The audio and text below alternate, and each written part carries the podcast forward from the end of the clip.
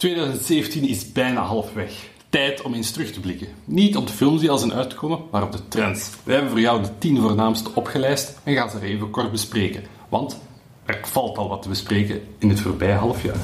Dit is Salvier.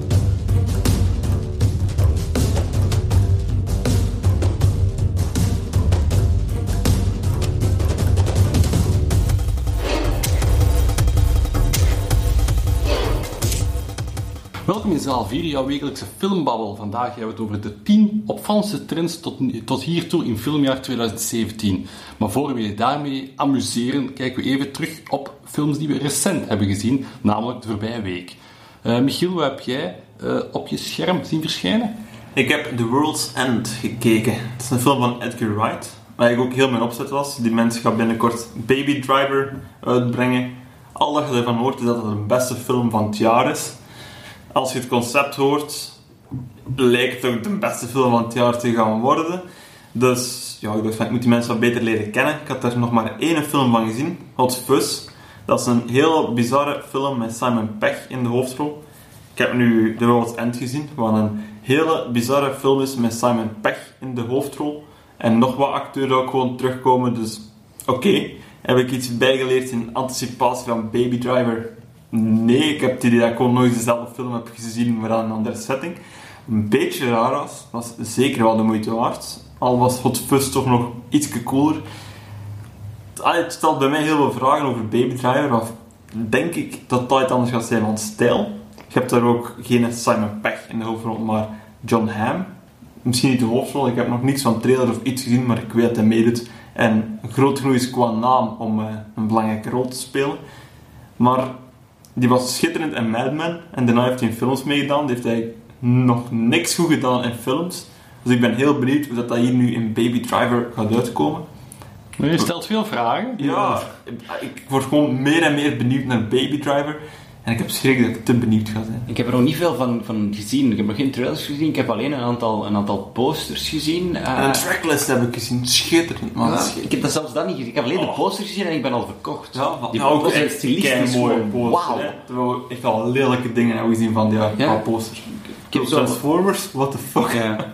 maar Baby Driver is echt... Ja, Oké. Michiel wordt duidelijk betaald per keer in Baby Driver. Michiel, heb jij gezien? Um, ik ben teruggegaan naar 1989 voor The Abyss, een uh, James Cameron film die ik nog niet gezien had.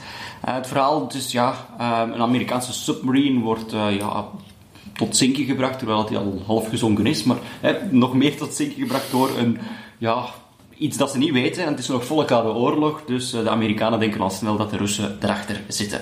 En om heel snel te kunnen reageren, schakelen ze een uh, burgerbemanning van een boorplatform in om het uh, wrak te gaan onderzoeken en te bekijken wie dat er nu achter het ongeluk op die submarine zit. Veel ga ik er niet over vertellen. Het is een film met, met Ed Harris in de hoofdrol. En voor mij zweefde hij altijd zo wat tussen een, een matige tot goede film, dan weer een matige film, dan weer een goede film. En ik ben geëindigd met een matige film. dat is waar we moeten stoppen als een ja, goede film geweest. Allee, hij, hij, ging naar omhoog bij één bepaalde scène. Dat is een, een bepaalde sterfscène in zo'n mini-duikbootje. je hebt hem ook gezien, denk ik. Ja, ehm, die sterfscène vond ik heel leuk. Die dan nadien gewoon volledig teniet wordt gedaan. Vind ik, door wat er daarna gebeurt. Maar, het is een film die niet zo goed dateert. Ik heb die over tijd, vorig jaar nog eens gezien. En ik had die wow, jaren 90 of zo gezien. Dus, en die heeft toen Oscar gewonnen voor de beste CGI, want er zit heel cool scènes in. Zeker als je denkt 1989. Klopt, klopt maar, mm, als je hem nu ziet, is wel toch iets ja, zo verwend. Denk ik. Ja, ja, tuurlijk. Maar ja, het is technologie. Ja. ja, daarom dat ik terug back to basics ben gegaan. Ik heb uh, niet één, maar twee films bij vandaag. Ik heb recent het boek van Robert Rodriguez gelezen, genaamd Rebel Without a Crew, or How a 23-year-old filmmaker with $7,000 became a Hollywood player. Ja, ik vertelt eigenlijk... Ik heb er een hoofdstuk van gelezen, of in een boek over dat stuk, dat is schitterend, hè? Jouw vriend Tim Ferriss heeft die eens geïnterviewd. Ah, zie je van, ja. Ja, dus... Uh, het boek vertelde dat het, het waar gebeurde verhaal van zijn eerste film, El Mariachi, die hij graag wou maken, puur om geld mee te verdienen. Voor de, Spa aan de Mexicaanse markt, straight to VGS was dat toen nog. Ja. Hij had 7000 dollar gebudgeteerd. Die heeft hij verdiend door uh, aan experimenten te gaan meedoen. Uh, en hij heeft die film zelf gemaakt en die alles zelf, alles, alles zelf. De camera huur was eigenlijk het enige dat echt geld kostte. Bijvoorbeeld de hoofdrol in de film wordt gespeeld door zijn kameraad van in de kliniek. die spreekt geen Spaans, dus die draagt heel veel een zonnebril. En je ziet die ook constant zo aan wegkijken, omdat hij die teksten gewoon fonetisch weer afleest. Want die weet eigenlijk helemaal niet wat hij zegt, heel die film lang. En zo is die film bric-à-brac van dat soort zaken. Er wordt ook heel veel gekut constant, omdat de synchronisatie... De teksten zijn opgenomen na de filmopnames, zodat ik kon niet Ja. tegelijk... Dus na, na een opname van een scène vraagt hij: Oké, we gaan nu aan tafel zitten en we gaan nu gewoon de tekst opnemen. Ha. Maar dat liep uiteraard nooit gelijk na vijf seconden. Dus die moest constant cutten om te zorgen dat dat niet te veel opviel. Allee, als je het boek hebt gelezen en je ziet dan de film, is het heel leuk. El Mariachi is een groot succes en die is eigenlijk best een leuke film. Is zijn doorbraak geweest, heeft hij dan mogen hermaken in Hollywood-termen. En dat is Desperado geworden, met Antonio Banderas. Eh, ook Steve Buscemi, Ik kan wel Spaans, denk ik. hè. die kan wel spannend. Maar dat is een film in het Engels. Hij is heel Ah, grote vriend. Ja. Hij is grote vriend geworden met Tarantino tijdens, eh, want hij heeft eh, El Mariachi getoerd samen met Reservoir Dogs, Tarantino. En Tarantino speelt ook mee in Desperado, een klein rolletje. Dus ja, leuke film. Ja, het boek is vooral heel plezant om te lezen en daarna de film te kijken, El Mariachi. Het is toch een, leuk om te zien hoe een nu bekende filmmaker ooit is begonnen.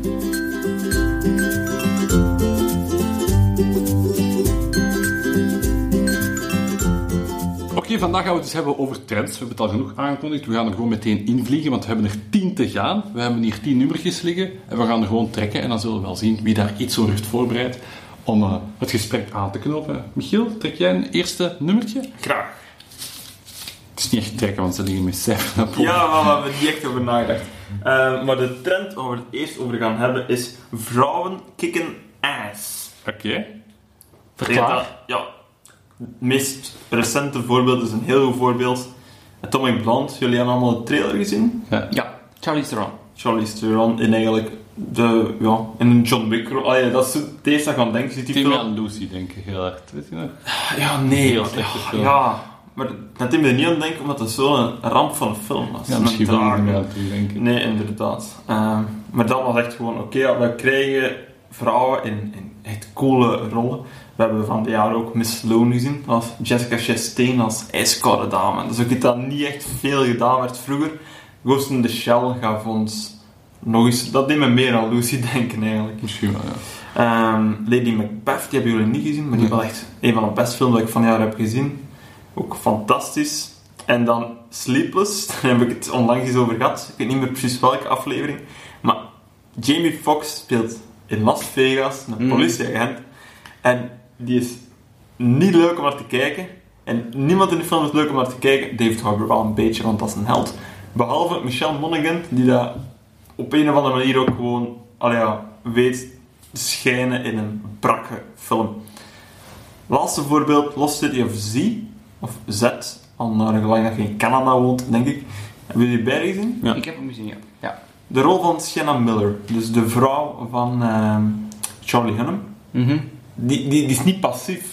Terwijl in honderd van die films heb je 99 keer de vrouw die zo van, oh jammer, je gaat weg. En ik wacht. Maar, maar hier Ja. had ze echt gelijk inbrengen en leven. Dat was een figuur. Voilà. Meestal gewoon een, ik had zo'n bordje dat was zaakt als er iemand weg. Je hebt Mhm. War Dogs gezien. Mhm. Dan heb Ja. je Umskes, dat ook mega speelt in Blade Runner, bij een naam niet even kwijt. En dat is echt een misbruik om die zo in de film te steken. En hier krijg je Shannon Miller, die wel echt haar ding kan doen. In Live by Night, ook dit jaar, is dat niet het geval. En dat is wel jammer om te zien. Het is een duidelijke trend, denk ik. Dus Ah, ik je geeft zeker kan... het grootste voorbeeld, misschien Wonder Woman ook nog. Ja, ja, voilà. Ja, voilà, dat is eigenlijk dan misschien nog de voornaamste, eindelijk de grote superheld, Ja. de vrouwelijke superheld. Het zal niet de laatste zijn, want ik denk dat Captain Marvel of zoiets. Captain Marvel door Brie Larson Dat gespeeld. is nog niet voor direct, maar hopen op een Black Widow film. Scarlett Er zijn, er zijn geruchten voor Supergirl in Man of Steel 2. Oh, of oké. dat ze zou eh, Ja, komen. geïnteresseerd worden. Ja, geïnteresseerd voor Man of Steel Ja. 2, maar Oké. Ja, duidelijk. Duidelijke trend. vrouwen komen. Oké, volgende trend. ik kan eens eh, grabbelen in de trend nummer 10. Dat wil zeggen, high-tech wordt normaal. Ja. Dus steeds meer films gebruiken adembenemende special effects. Budgetten knallen de hoogte in om maar die special effects goed te krijgen. Ghost in the Shell is daar een goed voorbeeld van, wat een brak verhaal is, maar schitterend is qua vormgeving, qua ja, hoe dat alles eruit ziet. Kong Skull Island, heel geloofwaardige King Kong die we daar zien. Ja, Eh, een van de zeldzaam goede dingen. ja, absoluut. Uh, maar er komen naast ook, ook de heel goede implementatie van, van CGI in, in films, ook nieuwe manieren om naar films te kijken. Um, onder andere IMAX, uh, heel gebogen schermen, heel grote schermen, Barco Escapes met drie schermen naast elkaar. 3D-adaptaties van heel veel films die het 3D eigenlijk een beetje uit het verdomhoekje halen terug. Ehm, maar ik zie die trend nog verder evolueren naar ook virtual reality brillen, 4D-films ehm, waar je in een bewegende zetel gaat zitten, dat meer ingeborduurd geraken. Cinemas moeten ergens tickets gaan verkopen. Ja, en ik denk dat, ze dat ook punt is, ja. Meerwaarde bieden, steeds ja. meer gaan, gaan, uh, Ja. gaan zoeken naar die high-tech snufjes om het ja, exclusiever te maken. Ehm, Iedereen heeft thuis tegenwoordig een grote tv, Ah, goed voilà. geluid en mooie kwaliteit. En, Ja, ja, dat is niet genoeg om naar de cinema te gaan, niet meer. eh, dat alleen, dus ze zoeken het ergens anders. Ehm, maar een trend die ook is ingezet eind vorig jaar met, eh, met de laatste eh, Star Wars film Rogue One, is die, die digital actors, hè, die acteurs die al jaren dood zijn, ehm, die dan ineens terug boven gehaald worden, waar een andere stand-in acteur, waar een gezicht over geplakt wordt nu baanbrekend. Nu zie je het wel nog, maar ik denk dat je in, binnen twee, drie jaar misschien gewoon niet meer zal zien. Ja, en voor jonge gebeurt het ja. ook. We krijgen uh, jonge Captain Jack Sparrow te zien in Last Pirates. Dat is heel lelijk, maar dat zal ook nog wel evolueren. Ja, absoluut. Dus trend dat uh, onlosmakelijk verbonden is met cinema vandaag. Sowieso. Oké, volgende. Ik denk weer nummertje... Is dat 4? Wat is dat bij 5? Dat is een vier. Dat is een Puntje 4 is... Recensies domineren de box office. Ik denk dat, dit is de tijd waarbij recensies de box office domineren. Vroeger waren, stond in de krant, kon je, kon lezen wat er van een film werd gevonden door een paar mensen. Nu met Twitter is iedereen recensent. En iedereen is heel snel recensent, want je wilt film snel gezien hebben om je mening te verspreiden. En producers en films beginnen er ook meer en meer schrik voor te krijgen, want als je heel snel wordt afgebroken als nieuwe film, dan voel je dat effectief aan de kassa. Veel voorbeelden van, voor Baywatch is een recent voorbeeld. Na de eerste screeners werd die film, zoals verwacht, rampzalig slecht bestempeld. Dus die film heeft het ook heel slecht gedaan, omdat de twijfelaars dan toch afhaken. En ja, de trend zet die dan gewoon verder. Studios hebben gewoon heel veel gekregen voor implicaties op de box office. We merken ook dat voor het IMDb was vroeger het medium om punten te gaan kijken. Daar hebben veel, cinema, eh, veel producers zich aan vastgebeten door daar zijn verhalen van stemmen kopen daarin. Erin clickfarms worden ingezet om goede punten te halen.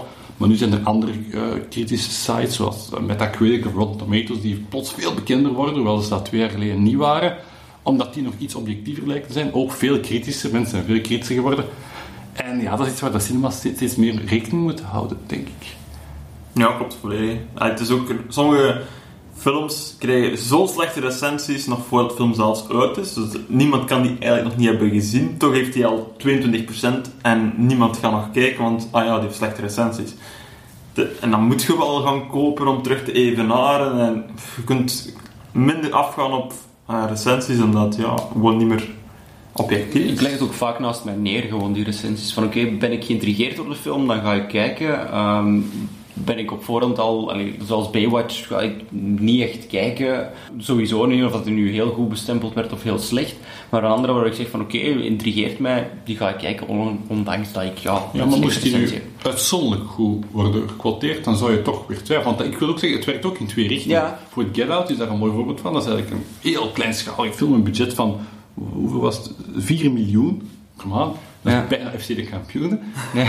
Eh, weinig mensen hadden daarvan gehoord. Het debuut van Jordan Peele, een onbekende regisseur. Ja. Maar omdat hij nog altijd 99% op Rotten Tomatoes heeft, tot de dag van vandaag, is dat een enorm blockbuster succes geworden. En dan, ik denk, zonder recensies had dat niet gebeurd. dat is het werkt ook wel in twee Ja. richtingen. Goed en slecht, je kan er beide profijt uit halen. Hit or miss wordt des te belangrijker, zeker in het begin. Oké, volgende trend. Alles hoort in een universum thuis. Of toch, ja, de films. De voorbeelden zijn eh legio. Hè. En het wordt misschien ook ieder jaar nog wat meer. Zelfs King Archer, een gekend verhaal. Maar het idee is dan ook weer om dat direct in het universum te steken. En we geven een eerste film en dan gaan we een volgende maken met een nieuw personage van de ronde tafel. En dan weer en dan weer. En het is nu zo hard gebomd dat je eigenlijk niet echt voor kunt met je universum. Idem voor The Mummy. Ze willen het Dark Universe lanceren. Geeft heel veel extra gewicht aan die eerste film. En die bomt dan zo gigantisch dat je eigenlijk met een probleem zit van... Ja, je wilt nog twee andere films maken. Je zit al allemaal processen begonnen om dat in de wereld te krijgen. Je hebt misschien Tom Cruise al drie films onder contract gelegd. Ja, en toen, dan merk je van shit, niemand houdt hiervan. Groot probleem. Met Kong Skull Island is een monsterverse van start gegaan. We gaan wat Godzilla nog krijgen en Dus nu was het Godzilla. Godzilla. In Ah ja, dat was 2014 een- juist, en dan, die we- dan hebben we er ook Godzilla vs. Nou, in 2020 vechten ze tegen elkaar, dat heb ik onthouden. Alien Covenant is ja, het Alien-universum in principe. Dus het gaat breder dan dat. Van John Wick komt er een spin-off serie, dus dat wordt ook een heel universum. Maar een interessant universum wel, dus daar ben ik meer naar benieuwd. Eh, mogen we Split al spoilen? Nee. Oké. Volgende trend. Ik doe een grabbel. Trend nummer 8. Ik weet niet hoe het er als 8 goed gepitcht. Hollywood wordt minder blank. Ja, het is een trend die, die zich al goh ja, sinds vorig jaar vooral eh, afspeelt. Dat, sinds er de Oscar So White eh, hype eh, zien we steeds meer eh, niet-blanke acteurs en actrices ook nominaties krijgen, eh, awards winnen en natuurlijk ook ja, rollen wegkapen in, eh, in grotere films. Om nu te zeggen dat Hollywood steeds minder blank wordt, is misschien een heel sterk statement. Het wordt gekleurder, laten we zeggen. Maar het is vooral dat we een aantal zwarte acteurs en actrices krijgen die, die aan het opkomen zijn. Maar om nu te zeggen dat Hollywood echt een, een doorsnee van onze multiculturele beschaving is geworden, dat is misschien een brug te ver op zich al. Uh, we krijgen natuurlijk horrorfilms zoals Get Out uh, met een zwarte uh, acteur in de hoofdrol. Moonlight hebben we gezien. Volgend jaar krijgen we een Marvel-film met Black Panther met een voornamelijk Afrikaanse zwarte cast. Um, dus een trend is dat we inderdaad meer diversificatie krijgen in de Hollywoodfilms, maar we zijn nog niet echt uh, aan het einde van de tunnel, denk ik daar. Ja, opvallend is ook Kong Skull Island. Je hebt daar een Aziatisch personage dat heel misplaatst voelt en raar. En dat komt omdat in de Chinese versie zij tien keer meer scènes heeft dan in de internationale versie. Zij is de grote ster in Azië ook. Hè. Wij kennen haar eigenlijk. Ja, ja, ook al. Ja, daar ja. eigenlijk de, de Leonardo DiCaprio, zeg maar. Van, hè. Ja, de Great Wall zelf ook een paar Aziatische acteurs in die, dat we eigenlijk niet kennen. Hè. Maar dan krijg je ook weer, weer het, uh, het verhaal van, van de omgekeerde trend die ook nog altijd aan de gang is. Dat ze heel grote producties uh, een blanke acteur instoppen om uh, de tickets te verkopen. Zoals ook The Great Wall wel. Ja. We zetten daar Matt Damon in om tickets te verkopen hier op de westerse markt, in Amerika en in Europa. We krijgen Ghost in the Shell, waar we dan eh, een typisch Japanse anime setting ja, ja, zitten, waar we. Scarlett Johansson krijgen. Dus Hollywood, ja, balanceert zo'n beetje tussen de twee. Voor iedereen goed doen, om Ja. bij iedereen te scoren en, en geld op te brengen. Voilà. Oké, next one. Yep. Haal ik nummer 7 uit. Wat is nummer 7? Eh debuutfilms blijken de beste films. Eh was een opvallende trend vond ik dit jaar. Dat, eh, ja, ik zeg maar, de beste films tot nu toe scoren. Natuurlijk, er is een groot verschil met films van dit jaar, die bijvoorbeeld in Amerika uitkomen of bij ons. We kijken hier voornamelijk naar films bij ons, wat vaak nog altijd twee of drie maanden later is dan over de grote plas. Maar een van de films van het jaar is nog altijd Get Out, de debuutfilm van Jordan Peele. Dus die komt wel binnen met een bang. De andere eh, winnaar van de Oscar van dit jaar, Moonlight, was de debuutfilm van Barry Jenkins. Dus dat is ook binnenkomen met een bang. Er zijn nog wat voorbeelden van geen debuutfilms, maar toch de tweede film, namelijk La La Land van Damien Chazelle. Toch wel ook een van de meest besproken titels dit jaar. Manchester by the Sea, quasi debuut van Kenneth Lonergan. Ook wel een prachtfilm. En Nocturnal Animals, die wij heel veel liefde gaven en die internationaal iets minder bekend is geraakt. Maar de tweede film nog maar van Tom Ford. Dus vind ik ook een opvallende trend. Dat zijn regisseurs die bijna nog maar beginnen of kiezen om heel weinig werk te maken. Maar die dan wel laten zien, als je veel effort in een film steekt en je niet elk jaar erin neerzet, dat het wel kan lonen. Oké, volgende trend. We zitten aan trend nummer 7. Dus we komen naar het einde. Tijd om terug te beginnen opletten. Geniale sci-fi films krijgen sequels. Wat is een trend vooral? Er is heel weinig originele sci-fi die komt. Valerian komt er binnenkort aan met Dane de. Maar apart daarvan, Live, is dat een echte sci-fi film? Ja, ja toch wel een sci-fi. Oké, ja, omdat dat, maar dat is niet wat ik wil, een sci-fi film. Maar dat doet er eigenlijk weinig toe. Dus als we dan wel sci-fi krijgen, is een sequel. Alien Covenant, eh, duidelijk voorbeeld. Guardians of the Galaxy, ja, oké, het is sci-fi. Ghost in the Shell. Ik, die eerste film was een animatiefilm, maar eigenlijk was dat echt wel een heel leuke film. Ik heb die na dat ik de eerste film heb gezien, eh, de sequel heb gezien, de eerste film gezien. En die is goed om heel andere redenen. Ik vond de nieuwe Ghost in the Shell gewoon prachtig en daarom echt al bekijken waard. De originele is dan weer filosofisch heel interessant, met heel veel vraagstukken. Die zie je terugkomen in de film en dan gewoon volledig naast zich gelegd. Dus dat er zijn echt bizarre keuzes gemaakt maken van die film. En natuurlijk Blade Runner 2049. De grote film van het jaar. Naast eh, ja, Dunkirk en Baby Driver en eh, Star Wars. het- Voilà. Ah. maar toch, Blade Runner. Komt er weer aan. Heerlijk. Ja, nu is het niet meer zo heel lang. Oktober? Ja, zoiets. Volgende trend, nummertje 9. Welke trend is nummertje 9? Nostalgie blijft tickets verkopen. Dat is ook een trend die heel duidelijk is. Eh, reboots eh, die gebeuren eh, en dergelijke meer. Power Rangers, Baywatch, zelfs Blade Runner is ook nou, zelfs, kunnen we ook daar nog zien. Maar niet alleen eh, die films eh, doen het goed.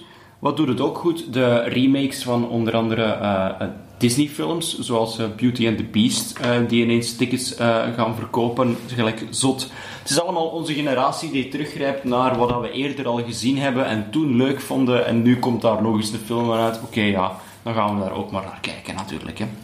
Cinemapubliek houdt van nostalgie, zeker als het in een magisch kleedje gestoken wordt. Ja, dat denk ik dat weinig aan toe te voegen is. Dat, nee, dat ook nog niet gedaan is, die trend. Dus, Nee. Overal waar dat ze gewoon inspiratie kunnen halen of denken, van, er is al iets of wat een publiek, dat gebruiken we. Yup. Easy one. Oké, volgende. Nummertje 6. Nummertje 6 is volgens Grote films lanceren grote campagnes. Ja, het moet steeds groter worden. Hè. Vooral de concurrentie wordt heel zwaar aan de top van de grote films. Dus je wilt zo snel mogelijk eh, ja, het centrum van de belangstelling staan. Dus films beginnen heel vroeg en heel vroeg is echt heel vroeg tegenwoordig hun reclamecampagne. Voorbeelden zijn bijvoorbeeld Star Wars, die eigenlijk al een jaar op voorhand met teasers afkomen of eerste setbeelden. Dat is vaak het begin, een foto van op de set, hoe. Eh, beelden door de websites opgemaakt. Dan komt de tweede teaser, de derde teaser, de eerste trailer, de tweede trailer. Voor Star Wars zelf worden daar in videogames ook dingen gelost. Zoals bijvoorbeeld een bepaalde lightsaber. En dan worden er heel eh, com- Ja. theorieën over opgebouwd. Ja, Want ja, die lightsaber, dus dat was, vroeger was dat een die. En nu heeft ze in de, de DLC, is die, en ja. heeft ze de uitbreiding, heeft ze die lightsaber ray bijvoorbeeld. Allee, ja, er worden Ja. de zotste dingen gedaan. Andere voorbeelden zijn It, dat is een de Ja. nieuwe Stephen King eh, remake, zeg maar. Die is voor september, denk ik, maar daar horen wij al maanden enorm veel van, terwijl die film dus echt nog langer er niet is. Eh, Blade Runner ook, inderdaad. Die teaser is, wanneer was dat? Februari? Oh ja, dat? Zoiets. Dus ook tien maanden op voorhand of zo, maar om de bus al krijgen. Ook Alien heel lang op voorhand, al eerste beelden en van dat er een foto lekt. Ja, dan kan je beginnen discussiëren online, wat is er te zien. En dat is heel belangrijk, dat je constant eh, ter sprake wordt gebracht. Eh, Die aandacht vasthouden van uw publiek, hè, om continu top of mind te zijn en, en die anticipatie te creëren, is denk ik heel belangrijk. Want er zijn maar 52 weekends op een jaar. Er zijn een paar slechte weekends en een paar heel belangrijke weekends. Dus iedereen wil dat weekend de film zijn waar ze naar gaan kijken. Dus dan wil je dat jouw film al bekender is voor hij uitkomt Ja. dan de andere film. Dus eh klopt. kan je niet vroeg genoeg aan beginnen. Tiende en laatste trend. Ik denk dat het ook de meest noemenswaardige trend is eh, vandaag.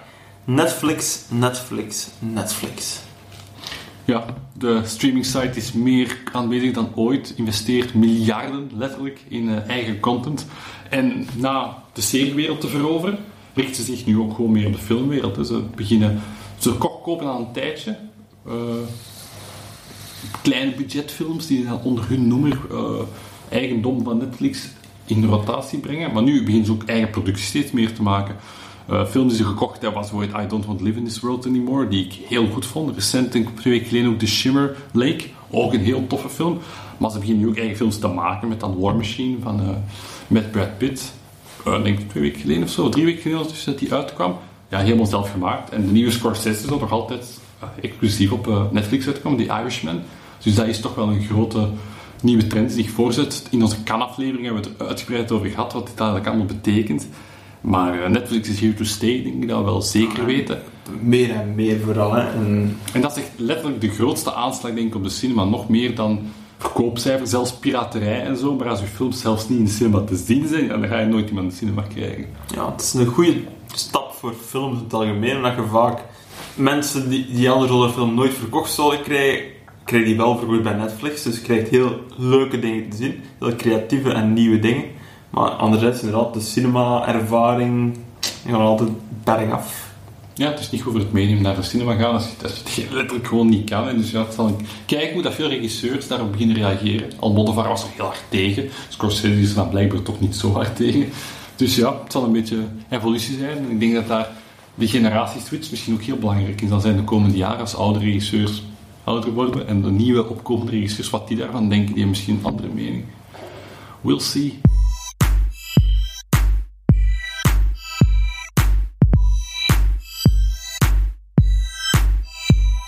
Oké, tot daar onze 10 trends. Eh, ik denk dat we eind dit jaar nog eens gaan doen en zien welke trends nog steeds alive en kicking zijn, welke misschien veranderd zijn of welke misschien zijn bijgekomen. Uh, voor we zover vooruit kijken, kijken we eerst gewoon even deze week vooruit. Namelijk, er komen weer drie nieuwe films in de zaal. Wij presenteren ze jou alle drie en helpen jou als jij dit weekend aan het loketje staat. Miguel, wat heb jij meegebracht? Voor de verandering is een horrorfilm. Ik ben, ik ben geen fan van het genre in het algemeen, maar, maar deze sprak mij aan nadat ik een, een trailer gezien heb toen ik De Wall gaan kijken was, eh, enkele weken terug.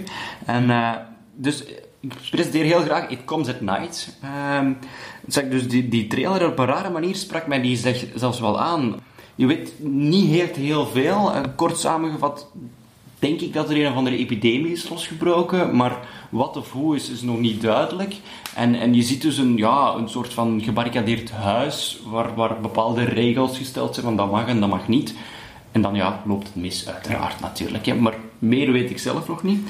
Ehm, ik heb samen met mijn vriendin Petra de, de Wall gekeken en die, was, die is helemaal niet into horror, nog minder dan ik. Die doet al in haar broek als er een, ergens iemand doodgaat of zo. Ja, nee, dat niet. Dat, dat is gewoon buiten. Dus eh, maar vanaf dat er ergens wat gore komt of zo van die dingen, dat, dat ziet ze allemaal niet graag. Maar zij was zelfs geïntegreerd wat dat er nu komt als het donker is. At night. Ja, voilà. dus zelfs dan was ze... Was, dus ja, misschien ga ik wel samen met haar toch kijken. Oké, misschien sla ik de bal eens, maar ik denk dat het een debuutfilm is of een tweede film. Het zou kunnen. Ik denk het wel. Vooral, Misschien Edward Schultz. wat ik ook heb gehoord is dat de trailer totaal niks met de film te maken heeft. Dus dat het eigenlijk al een hele boeiende en leuke film is, maar dat de trailer totaal een andere film verkoopt dan hetgeen dat je eigenlijk echt wilt kunnen. krijgen. Dus als je getriggerd zit door de trailer, ja, verwacht dan niet dat je de lange versie van de trailer wilt kijken, maar Of misschien weer wel en is het totaal een mindfuck. oh, het zou wel eens kunnen. Oké, Je weet maar nooit wat er at night gebeurt. Oké, wat gebeurt er bij jou at night in het cinema? Ehm, goh, wel, ik kan beginnen met een quote uit een, want ik heb ook een trailer gezien. De quote is: You want to know, don't you, why they keep coming here? Orator Anthony Hopkins. Het zou zo uit de serie Westworld kunnen komen, maar dit komt uit een film met King Archer, die wel Merlijn bevat. Mo. En eh, in tegenstelling tot het turbo-spektakel van Guy Ritchie, eh, wordt het dus geen Merlijn. hè. Merlijn wordt in dit geval gespeeld door Stanley Tucci. Wel ja, is cool, hè. die mensen is leuk om tegen te komen. Ik heb het over Transformers The Last Night. De vijfde film in de reeks, de Transformers-reeks. En waarschijnlijk de laatste film met Mark Wahlberg en regisseur Michael Bay.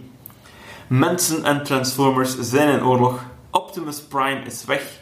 De sleutel om de mensheid te redden ligt in de geheimen van het verleden. In de verborgen geschiedenis van de Transformers op aarde. Nu, waarom ben ik enthousiast? Waarschijnlijk omdat ik nog nooit een Transformers film heb gezien.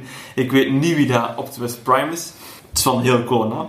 Eh, maar de enige reden dat ik, of ja, toch de reden dat ik enthousiast ben, is dat ik ja, dus een trailer heb gezien. Hè. Het was een Thaise cinema. Ik was een uur te vroeg, want de tijdzone was anders en ik had mijn uurwerk niet aangepast.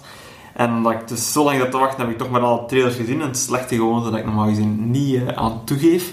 En de trailer heeft me wel gepakt eigenlijk. Eh, het heeft me goesting gegeven in de film. Er, zijn, ah, er is een auto die een T-Rex kan veranderen. Er zijn ook draken die rondvliegen. Ja, ik weet niet...